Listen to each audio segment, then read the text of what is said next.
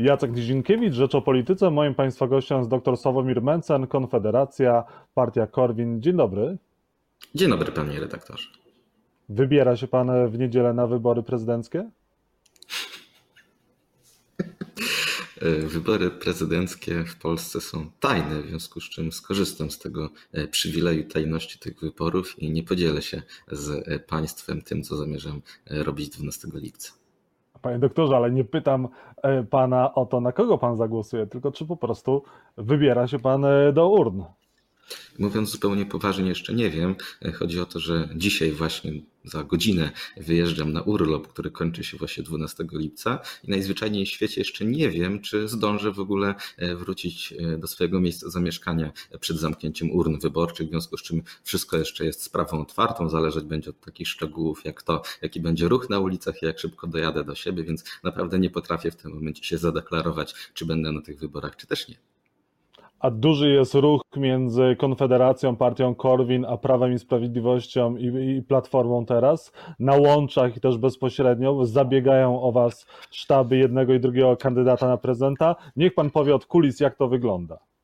Muszę powiedzieć, że nie miałem świadomości do tej pory, że mam tylu serdecznych przyjaciół, zarówno w PiSie, jak i w Platformie. Przez ostatnie tygodnie byliśmy naprawdę rozchwytywani to przez najróżniejszych ludzi z najróżniejszych szczebli.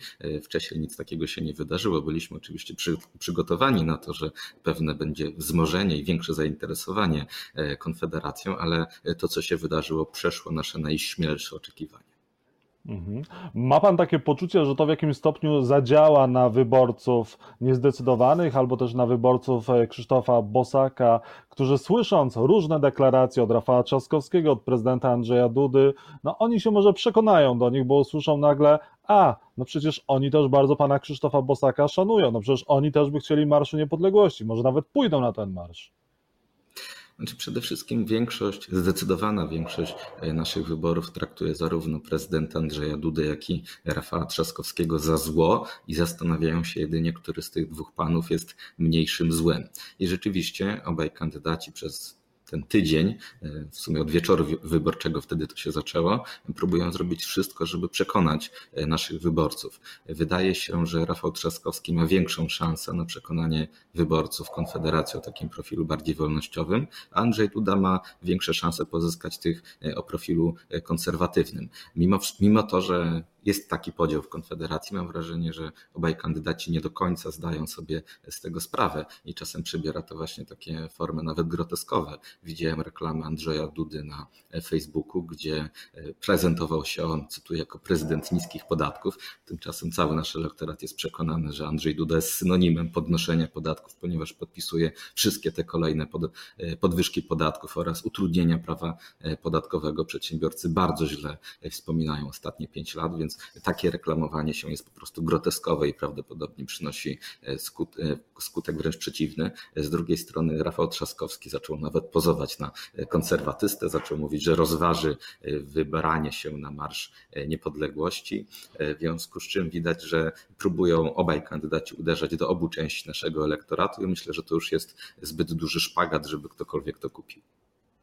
No właśnie, pytanie, co na to elektorat? Czy elektorat jednak jest w szpagacie, nie kupi tego, czy może część jest do przekonania i ile zależy od takich osób jak pan Krzysztof Bosak, od, od wskazań?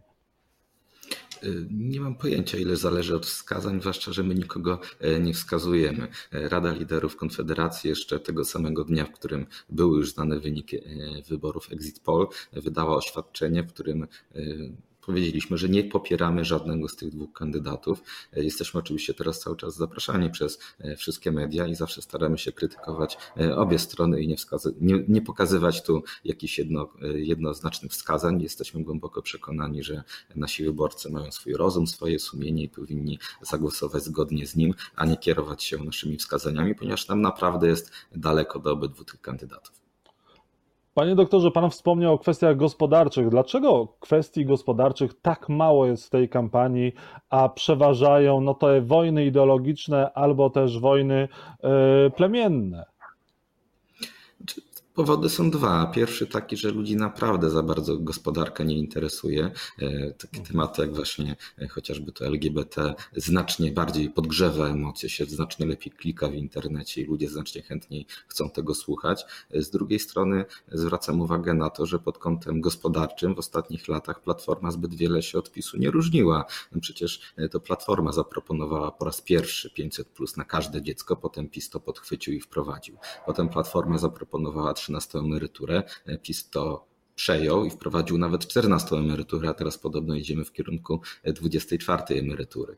Platforma bardzo solidnie popierała większość reform podatkowych wprowadzanych przez PiS, te wszystkie uszczelnienia, czyli utrudnienia prawa podatkowego i utrudnianie prowadzenia działalności gospodarczej było wprowadzane zarówno przez PiS, jak i przez PO. A teraz ostatnio słyszeliśmy nową propozycję Rafała Trzaskowskiego, czyli dodatek do emerytury za urodzenie dziecka, w związku z czym widać, że akurat w sprawach gospodarczych te dwie partie na jakoś drastycznie to się nie różnią. W teorii różni ich podejście do spraw obyczajowych, ale to znowu jest tylko teoria, ponieważ e, prawo dotyczące zarówno e, tak zwanych związków e, partnerskich, czy też, czy też aborcji nie zmieniło się ani za ośmioletniej kadencji Platformy, ani już przez prawie pięć lat rządów PiSu, w związku z czym oni się tam różnią retoryką, ale tak naprawdę jeśli chodzi o głosowania, jeżeli chodzi o zmianę stanu faktycznego, to wielkich różnic tutaj nie ma.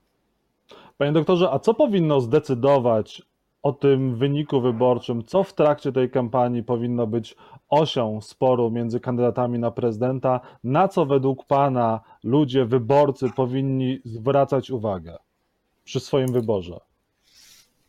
Nie potrafię odpowiedzieć na to pytanie, bo ja mogę uważać, że niektóre rzeczy są kluczowe dla przyszłości Polski, takie na przykład jak nasza demografia, czy przyszłość systemu emerytalnego, czy stan mhm. systemu ochrony zdrowia, ale to, co ja uważam za ważne, nie ma większego znaczenia, ponieważ to nie interesuje ludzi, a wybory należy po prostu wygrać, w związku z czym przekaz się tak kształtuje, żeby e, więcej głosów skierować ku sobie. No i tutaj piękny przykład to jest właśnie to zagranie e, przez Andrzeja Dudę kartą LGBT. Zwracam uwagę, że ten spór w ostatnich miesiącach był w zasadzie martwy. To, to nie był element debaty publicznej co najmniej od roku. Tymczasem Andrzej Duda zupełnie z niczego to, e, to, to wyciągnął, tylko jednym, z jednego powodu. Chodziło o to, żeby tak podzielić społeczeństwo, żeby więcej głosów przypadło Andrzejowi Dudzie, i Rafałowi Trzaskowskiemu. No jeżeli rzuca się temat małżeństw jednopłciowych, to w tym momencie zdecydowana większość Polaków jest temu przeciwna. W związku z czym e, Andrzej Duda robił to z pełną świadomością takiego politycznego, czysto pragmatycznego zamiaru uzyskania większej liczby głosów, czy też zmobilizowania własnego elektoratu z jednej strony, a z drugiej strony zdemobilizowania potencjalnego elektoratu Rafała Trzaskowskiego, ponieważ e, to jest dla niego ewidentny problem, ponieważ liczy mimo na głosy lewicy, mimo że teraz bardzo mocno się uśmiecha w kierunku Konfederacji, jednak liczy też na głosy Roberta Biedronia i w momencie, w którym e, Rafał Trzaskowski odżegnuje się od skrajnie lewicowych e, postulatów, no to siłą rzeczy jakaś demobilizacja w tym elektoracie musi nastąpić. A czy nie jest tak z innej strony, że Andrzej Duda, podejmując temat LGBT, próbował jednak łowić e, w tym e, stawie wyborców e, Krzysztofa Bosaka i, i może część udało mu się wyborców waszych przejąć? No, jest jednak politykiem bliskim e, temu profilowi, bliższym profilowi konserwatysty, e, polityka prawicowego, bliższy profilowi e, chyba Konfederacji niż Rafał Trzaskowski. Tak, tak jak mówiłem, było to właśnie e, nacelowane na to, żeby więcej głosów zebrać po swojej stronie, bo pod tym postulatem, żeby e, nie było małżeństw homoseksualnych, to się podpisuje zarówno PSL, jak i e, prawdopodobnie również część Platformy Obywatelskiej, więc tu podział nie jest mniej więcej po środku polskiej sceny politycznej. Mainstream polski polityczny również jest przeciwko temu postulatowi, nie tylko Konfederacja.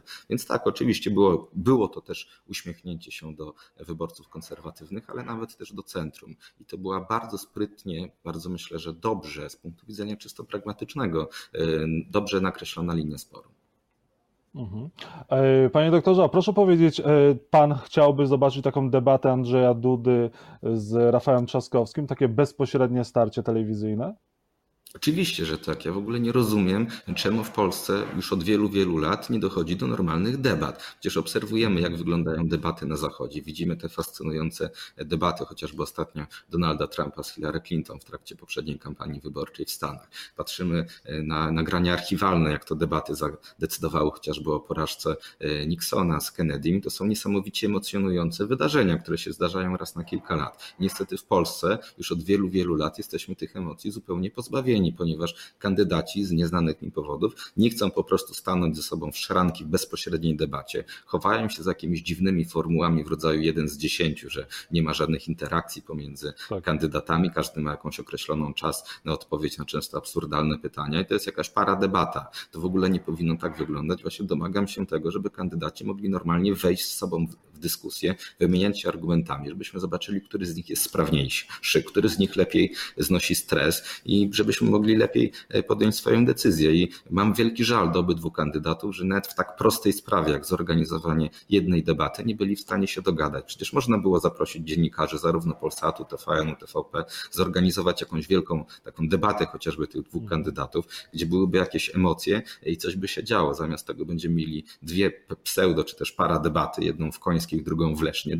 Każdy kandydat w tym samym czasie będzie w innym mieście i będzie udawał, że ten drugi nie chciał przyjść na debatę. No to jest jakaś żenada opinia publiczna, media powinny w dalszym ciągu wywierać presję na obu kandydatów, żeby do tego typu spotkania, debaty doszło jednak. Mamy jeszcze kilka dni do wyboru. Oczywiście, że tak. To, co się dzieje obecnie w sprawie debaty, jest naprawdę nieporozumieniem i bardzo źle wróży też y, dalej Polsce, ponieważ nie wiemy, kto będzie prezydentem w kolejnej kadencji, ale widzimy, że obie te strony sporu politycznego, zarówno Platformy, jak i PiS, mimo że w sprawie głosowań w Sejmie to w miarę tam dużą spójność mają, to pod kątem retorycznym nie są w stanie dojść do porozumienia, nawet w najprostszych sprawach, takich jak zorganizowanie debaty. Uważam, że wszyscy Polacy powinni się od obydwu sztabów domagać prawdziwej, porządnej debaty przed drugą turą wyborów.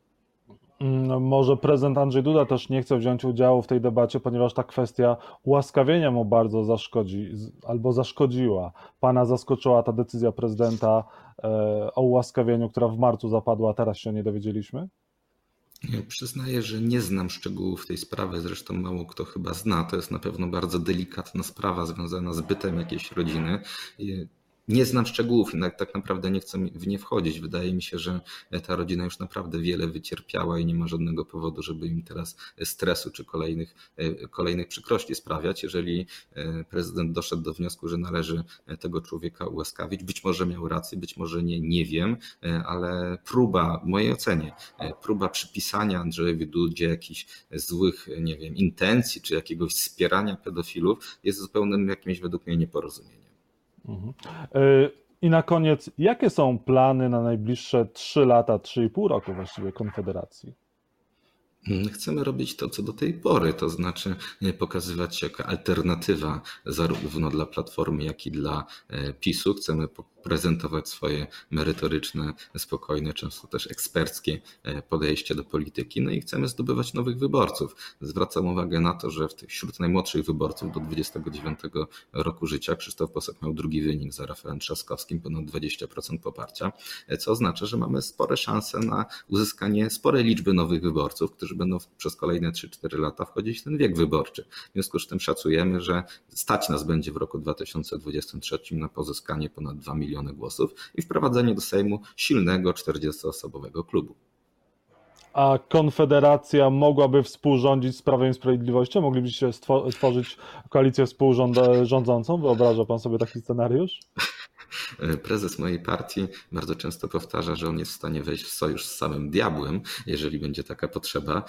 Wydaje mi się, że PiS, zarówno jak i Platforma, są jednak trochę e, lepsi od diabła, więc jeżeli możemy e, porozumieć się z kanibalami czy z diabłem, no to będziemy też w stanie z PiSem czy z Platformą, ale nie chcę teraz e, rzucać tak bardzo daleko idących prognoz, co będzie w roku 2023. Mam tylko wielką nadzieję, że w roku 2023 bez Konfederacji nie da się sklecić żadnego rządu.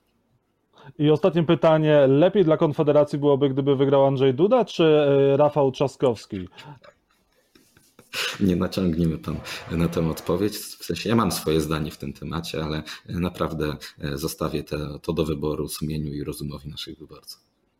takim razie do zobaczenia po wyborach, udanego urlopu. Moim Państwa gościem był dr Dziękuję. Sławomir Mencen, Konfederacja Korwin. Dziękuję i do zobaczenia. Dziękuję, do zobaczenia.